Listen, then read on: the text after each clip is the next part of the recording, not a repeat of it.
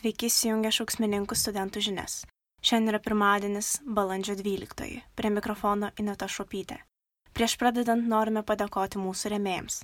Primename, kad mus paremti gali per patreon.com pasversis brūkšnys šauksmas.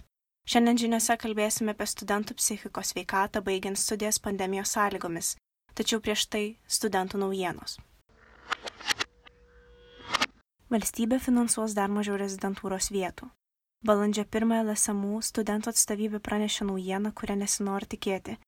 Vietoje planuotų 365 valstybės finansuojamų vietų rezidentūros studijoms vyriausybė skyrė tik 346.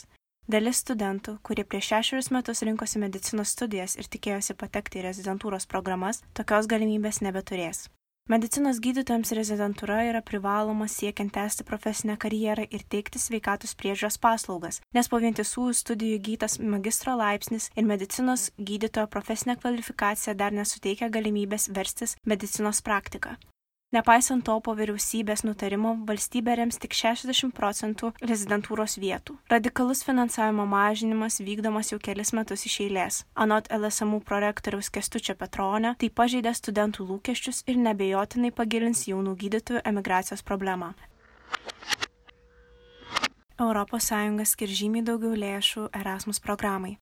Mainų programos biudžetas padidėjęs beveik dvigubai, be to ateityje planuojama atlyginti už aplinkai draugiškas studentų keliones. 2021-2027 metais programos biudžetas bus kiek didesnis nei 26 milijardai eurų. Tai yra 11 milijardų daugiau nei ankstesniu 2014-2020 metų laikotarpiu. Prognozuojama, kad programa pasinaudoti turėtų apie 10 milijonų europiečių. Ateityje mainai bus labiau orientuoti į studentų įtraukti, klimato ir skaitmeninius pokyčius. Pavyzdžiui, numatomos finansinės paskatos studentams keliauti traukiniais. Erasmus studentų mainų programa veikia nuo 1987-ųjų. Per pastaruosius 30 mečius joje dalyvavo daugiau nei 10 milijonų jaunų žmonių iš 33 šalių.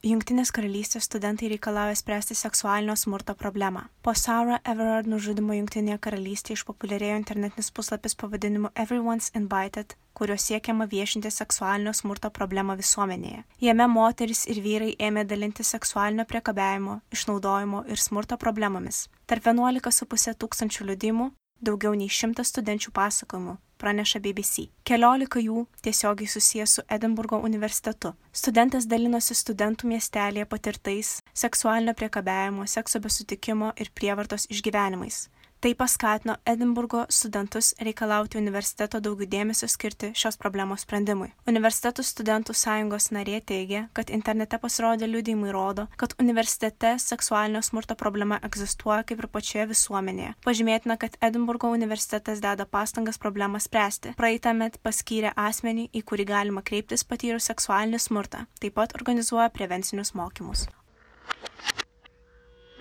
Anglijos universitete ginčai dėl paminklo Gretai Thunberg. Vinčesterio universitetas pastatė memorialą aktyvistai Gretai Thunberg, įamžindamas jos indėlį į tvarę visuomenę. Tačiau kai kurie studentai kritikavo tokį universiteto sprendimą. Pasak universiteto, tai yra pirmoji natūralaus dydžio statula, kuria įamžinta 18-metė švedė. Universitetų ir kolegijų profsąjungos sukritikavo šią iniciatyvą kaip grinai prestižo projektą. Organizacijos kritika nenukreipta prieš Thunberg, kurios vaidmenį kovojant su klimato kaita sąjunga paskelbė palaikymą. Nepasitenkinimo esmė - 24 tūkstančių svarų sterlingų sterlingų skulptūros išlaidos, kurios esą geriau panaudotinos siekiant išvengti darbuotojų etatų mažinimo, teigia sąjunga.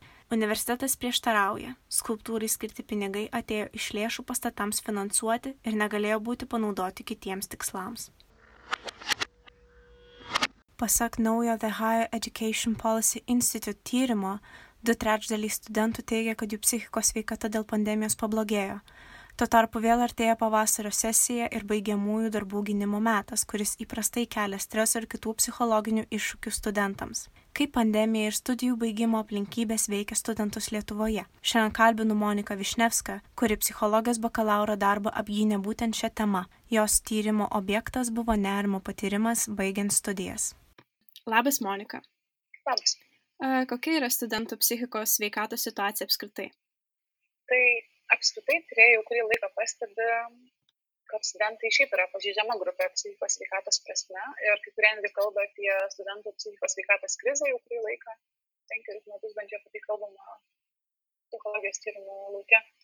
Ir kai kurie tyrimai rodo, kad studijuojančių psichikos sveikata yra blogesnė nei prieš pradedant studijas ir taip pat um, apskritai studentų kaip socialinės grupės um, psichikos sveikata lyginant su, be, su, su bendra populiacija, psichikos sveikata yra šiek tiek prastesnė.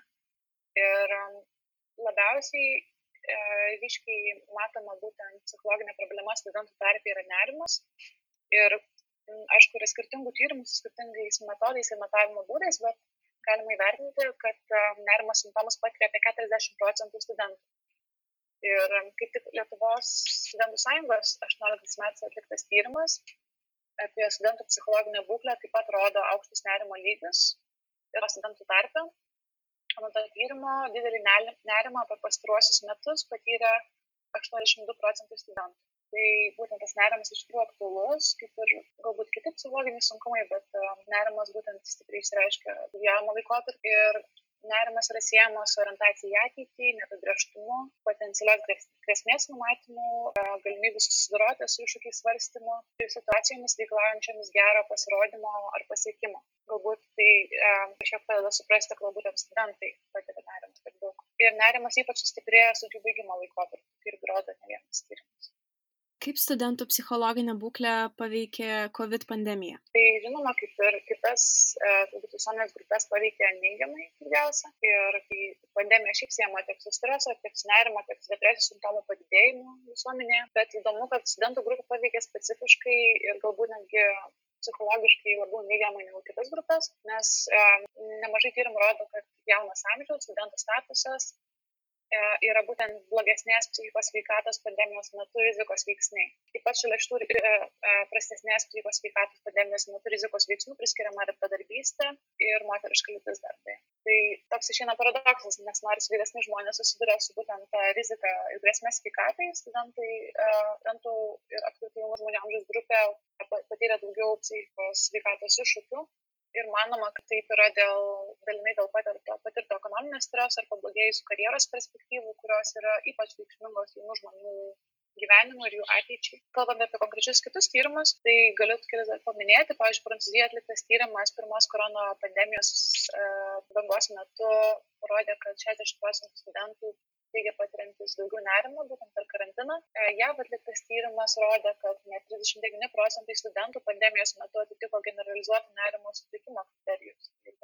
Lietuvoje buvo atliktas tyrimas e, e, pavadinimu COVID streso termometras ir kaip pirmos bangos metu tai parodė, kad galima įvertinti, kad apie 30 procentų studentų patiria nerimo simptomų susijusius su pandemija. Ir aišku, tas priežastis yra tiek ta pati socialinė izolacija, tiek kaip minėtos tos karjeros galimybių neiškumas. Ir įdomu, kad studentai, kurie būtent karantino metu negrįžo gyventi su šeima arba gyveno vieni, patyrė daugiau nerimo ir finansinės stresas. Tai pagrindiniais studentų stresoriais pandemijos metu laikomi studijų sutrikdymas, prastesnis ateities, karje, ateities perspektyvos ir, aišku, socialinių ryšių palaikymo stoka. Ir blogesni psichikos sveikatos rodikliai būdingi žemesnės pajamas turintiems studentams ir moteriškos. O kokie iššūkiai studentams kyla baigiant studijas pandemijos metu? Gal galėtum pasidalinti savo tyrimo išvalgomis? Atlikau kokybinį tyrimą, e, kurio metu gilinausi nerimo patirtį, baigiant studijas e, COVID-19 pandemijos pirmosios bangos metu. Ir e, kalbėjau daug su studentais, kuriems būtent aktualus nerimas, kurie susiduria ir baiginėja bakalauro studijas. Ir aišku, šiaip apskritai daugelis kalbėjo apie pačią studijų baigimo situaciją, kaip iš esmės keliančią didelį, didelį nerimą, nes tai yra didelis akademinis iššūkis, taip pat numatoma tam tikras pokytis visam socialiniam gyvenime, kažkokia statuso kaita ir aišku yra daug neiškumo, ateities neiškumo apskritai yra didelis spaudimas kažkaip gerai pasirodyti ir, ir aišku, tai jau savaime neša daug streso ir nerimo, kaip prastomis sąlygomis, bet ir kalbėdami studentai apie nerimą dažniausiai daugiausiai akcentavo būtent ateities nežinomybę kaip pagrindinį nerimo veiksnį ir būtent taip pat nerimą dėl karjeros, dėl ateities galimybių įvairių. Ir būtent per šitą aspektą būtent ir siejasi turbūt ta COVID poveikis studentų nerimų, tai kad turbūt pati pandemija sustiprino tą nerimo poveikį, dėl to, kad sustiprino ateities nežinomybės tą visą. Tai žodžiu, galbūt pandemiją baigiantys studentai taip pat patyrė tokių ir sunkumų tiesiog dėl mokymosi, dėl pačių, labai trūko būtent kontaktinių susitikimų su darbo vadovais, ką irgi paminėjo, tai tas irgi tiesiog tokį labiau tokį izolacijos ir paliktumo jausmą sukėlė ir tas um, tokio iššūkį keliančiai situacijai būti vienam izoliuotam yra sunkiau negu būti su kitais, galėti pasitarti akis į akį, tai tai irgi turbūt prisidėjo. Tai bendrai kalbant toks nerimas baigiant studijas pandemijos metu pasižymėjo būtent tokiu ir egzistenciniu nerimu dėl ateities nežinomybės tiek dėl nerimo dėl karjeros tiek akademinių nerimų ir tiek tokio socialinio vertinimo nerimų ir lyginimų su kitais dėl nesėkmės baimės. Tai gal tiek trumpai. Šįkart tiek. Ačiū kad įsijungiai šio epizodo redakciją sudarė domas lavrukaitis emil starodubov monika višnevska ir aš ineta šuopytė Kitas žinių epizodas išeis po dviejų savaičių, balandžio 26 dieną. Mums brūkštelti gali per Facebook arba adresu judėjimas eta šauksmas.net. Čiao. Nori, kad visi išeitų į gatves, liūdni proletarai studentai. No, no, no, no, aš netraukiu daugiau, baisu vienam pabūst ant grindų.